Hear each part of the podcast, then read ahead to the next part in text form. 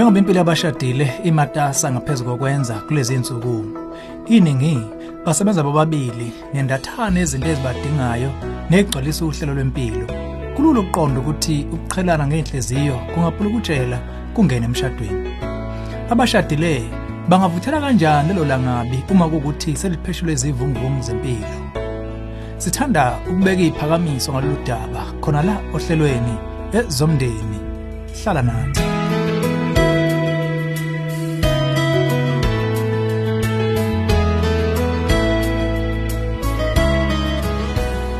Angubingelele. Ezomndeni uhlelo lokulethela izeluleko eziphathekayo ngabaka Focus on the Family. Unkosikazi ozizwa eshoda ngezinga lamaxhama okuxhumana nomyeni wakhe. Usibhalele umbuzo. Mina nomyeni wami singaguqula kanjani uma yokuqhelelana bese sibuyise lokho eyakusondelana esasenakho umshado wethu semusha. Sobabili sibhene impilo ematasa kakhulu. Umsebenzi womnyeni wami kunokwenzeka uthi ukuncipha kancane nokho okwamanje nginomuzwa ukuthi uya ngokuya ekhula ekuqheleni kimi ngokwenhliziyo. Ngingenze njani ukubuyisa lo wamuzwa waqala?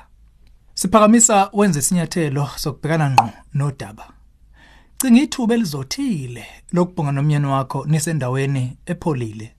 Kungakuhle futhi nje ke nizikhiphe usuku lonke nenze okwaziyo niye nikuthakasele mani nobabili naye.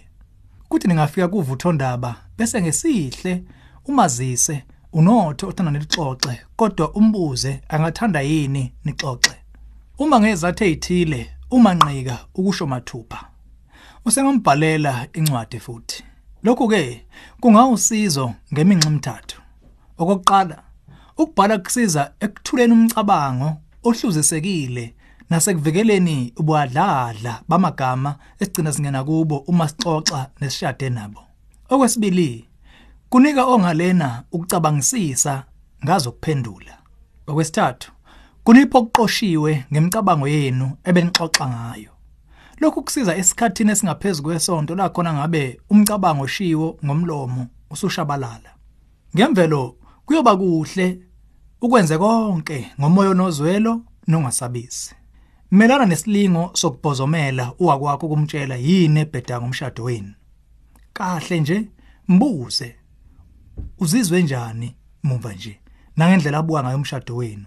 Mazise ngendlela enhle ukuba kudingakala kangakanani kuba ezwe imizwa yakho ngokukhululeka.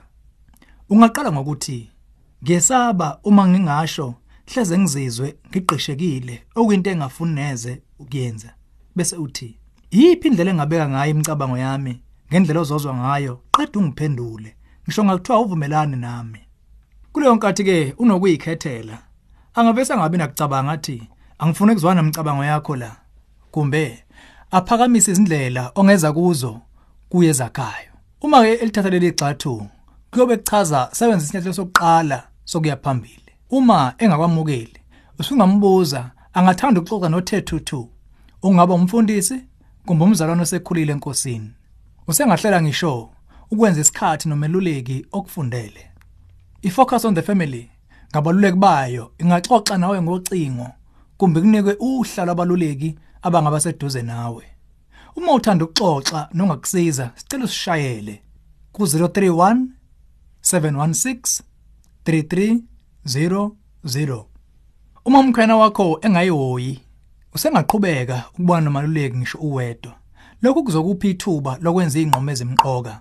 Uzoba nethuba ukucabanga inguquko odinga ukuzenza nokuthi ungaguqula kanjani uhlangothi lwakho kwezobudlelwana kungaba ingxenye lesemqoka kakhulu esisombululo senkinga yakho.